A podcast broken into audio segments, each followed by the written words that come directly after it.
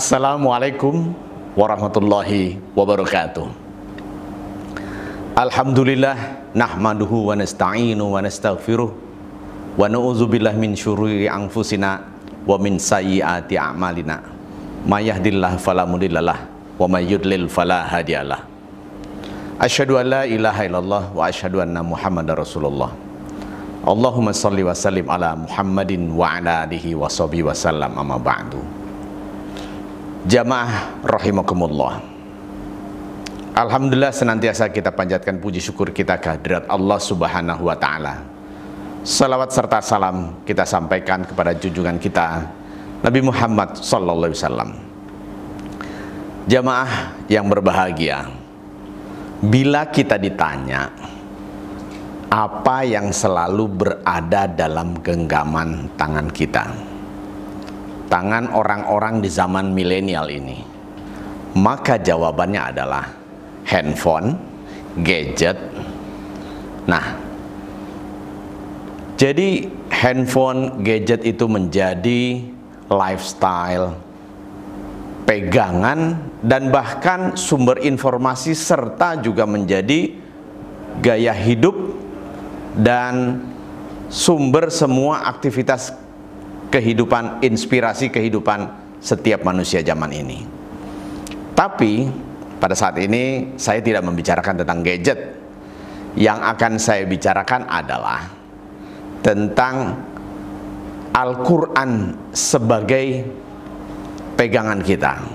Kita berharap agar Al-Quran berada dalam genggaman, genggaman tangan kita. Sebagaimana yang diminta oleh uh, panitia dalam kegiatan tausiah kali ini. Genggamlah Quranmu.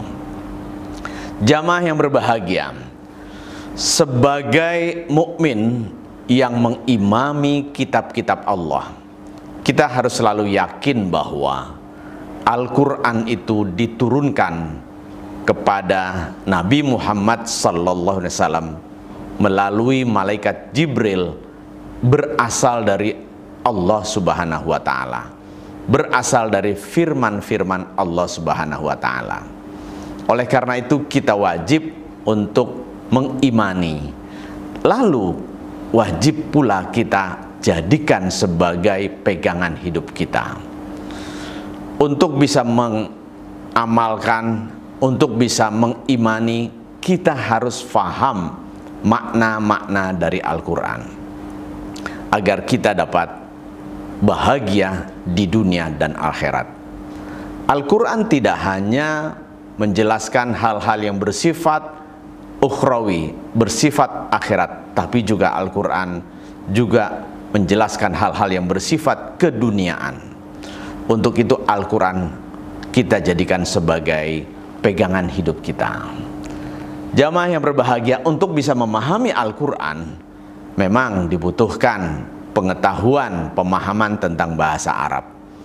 Namun untuk bisa mengetahui bagaimana Al-Qur'an itu ya indah kemudian bisa didengar dengan enak oleh setiap orang mungkin setiap telinga manusia bisa memahami itu sebagai contoh kita lihat di dalam Al-Quran itu ada susunan bahasa yang begitu indah ya. Begitu kita mendengar betapa bahasa yang dibuat oleh Allah dalam firman-Nya indah didengar mat didengar oleh telinga kita. Sebagai contoh misalnya ketika kita mendengar bacaan surat An-Nas Bismillahirrahmanirrahim. Kul a'udzu birabbin nas.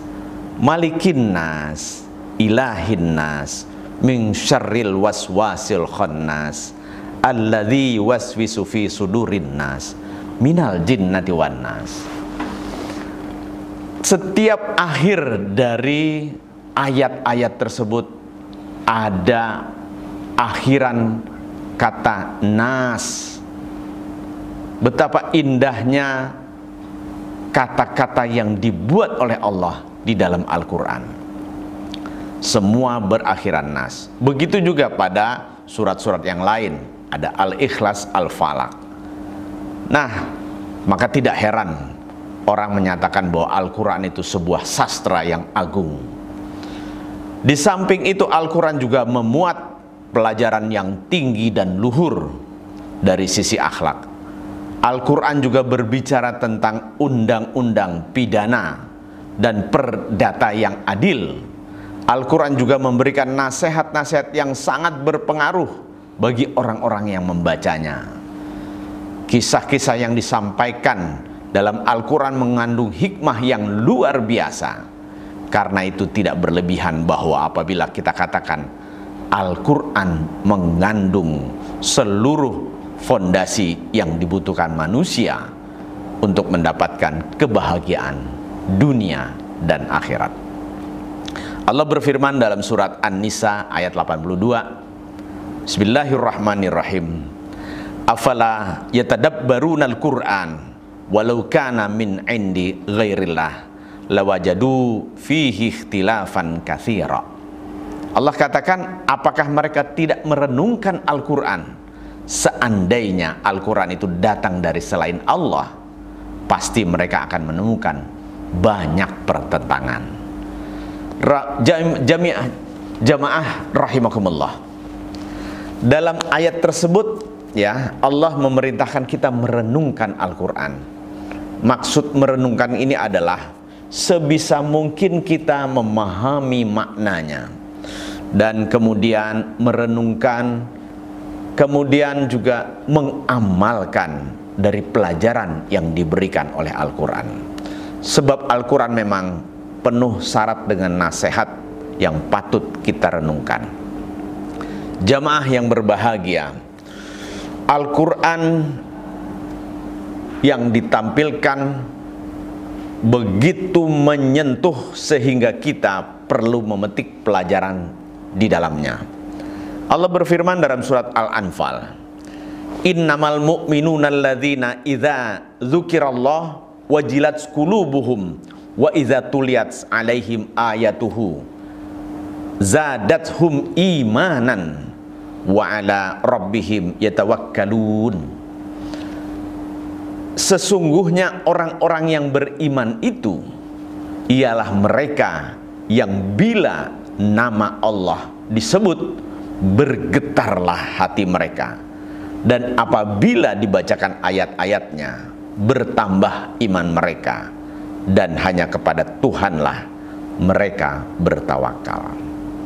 Sungguh apabila kita mencermati ayat tersebut akan tampak betapa ciri-ciri orang yang beriman apabila disebut nama Allah bergetar hati mereka apabila dibacakan ayat-ayat Allah maka semakin bertambah iman mereka dan itulah ciri-ciri orang yang beriman mari kita renungkan ke dalam diri kita apakah kita termasuk orang-orang yang ketika mendengar nama Allah hati kita bergetar.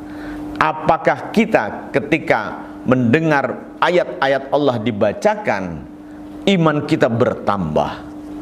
Mudah-mudahan sebagaimana yang disebutkan oleh ayat ayat tadi. Kalau tidak, maka kita perlu memperbaiki hati kita.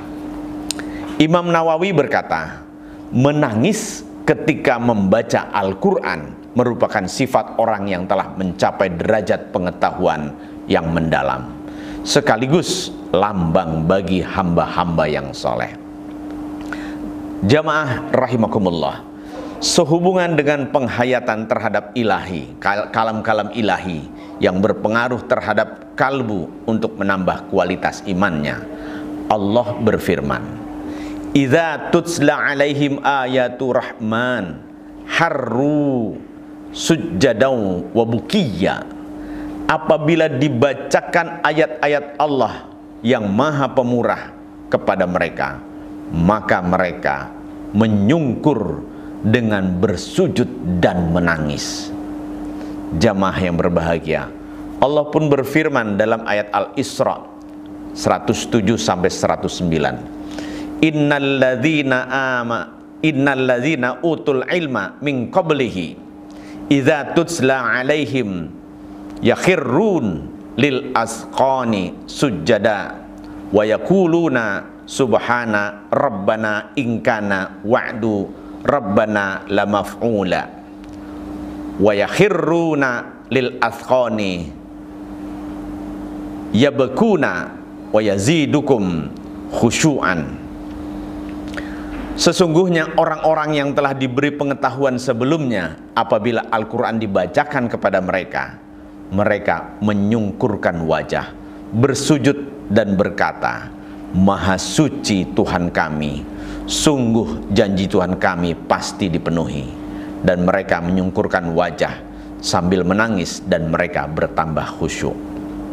Jamaah yang berbahagia kalau kita coba telaah lembaran sejarah Rasulullah SAW dan sahabat kita akan menemukan betapa beliau sangat mengagungkan dan khusyuk dalam merenungkan maknanya. Bahkan terkadang mereka menangis terseduh-seduh sehingga iman mereka bertambah satu ketika Rasulullah SAW berkata kepada Abdullah bin Mas'ud bacakan untukku Al-Quran ya Abdullah Nah, kemudian Abdullah bin Mas'ud menjawab, "Bagaimana saya akan membacakan untukmu padahal Al-Qur'an diturunkan kepadamu?" Nah, kemudian Rasulullah bersabda, "Ya, tetapi aku ingin mendengar dari orang selain aku." Abdullah bin Mas'ud pun membaca surah An-Nisa hingga pada ayat Fakaifa idza ji'na min kulli ummati bisyahidi wajibna bika ala haula'i syahida. Maka kemudian Rasulullah saat mendengar pada ujung ayat yang dibaca tadi An-Nisa 41 Rasulullah berkata cukup ya Abdullah ketika Abdullah bin Mas'ud menoleh dia melihat wajah Rasulullah SAW sebab beliau meneteskan air mata dan beliau menangis terseduh-seduh beliau membayangkan pada suatu saat di hari kiamat nanti akan kedahsyatan yang datang. Di waktu itu ketika beliau dipanggil untuk menjadi saksi atas umatnya dan permohonan syafaat bagi orang-orang di padang mahsyar inilah perkara yang menyedihkan. Jamaah yang berbahagia itulah teladan dari Rasulullah SAW dan para sahabat yang mulia. Mereka begitu mencintai Al-Quran. Ketika membacanya mereka merenungkan maknanya. Terkadang mereka sampai menangis. Ketika mereka mencoba untuk memahami maknanya mereka ingat akan apa yang terjadi nanti di hari akhirat. Jamaah yang berbahagia ketika Al-Quran itu dibacakan bergetar hatinya dan iman semakin bertambah. Mudah-mudahan kita akan juga seperti yang dilakukan oleh Rasulullah dan para sahabat bertambah iman kita ketika Al-Quran itu dibacakan bergetar hati kita ketika Allah itu disebut namanya dan mudah-mudahan semakin dekat kita kepada Al-Quran dan semakin mencintai Al-Quran Demikian yang dapat kami sampaikan. Semoga bermanfaat. Billahi taufik wal hidayah. Wassalamualaikum warahmatullahi wabarakatuh.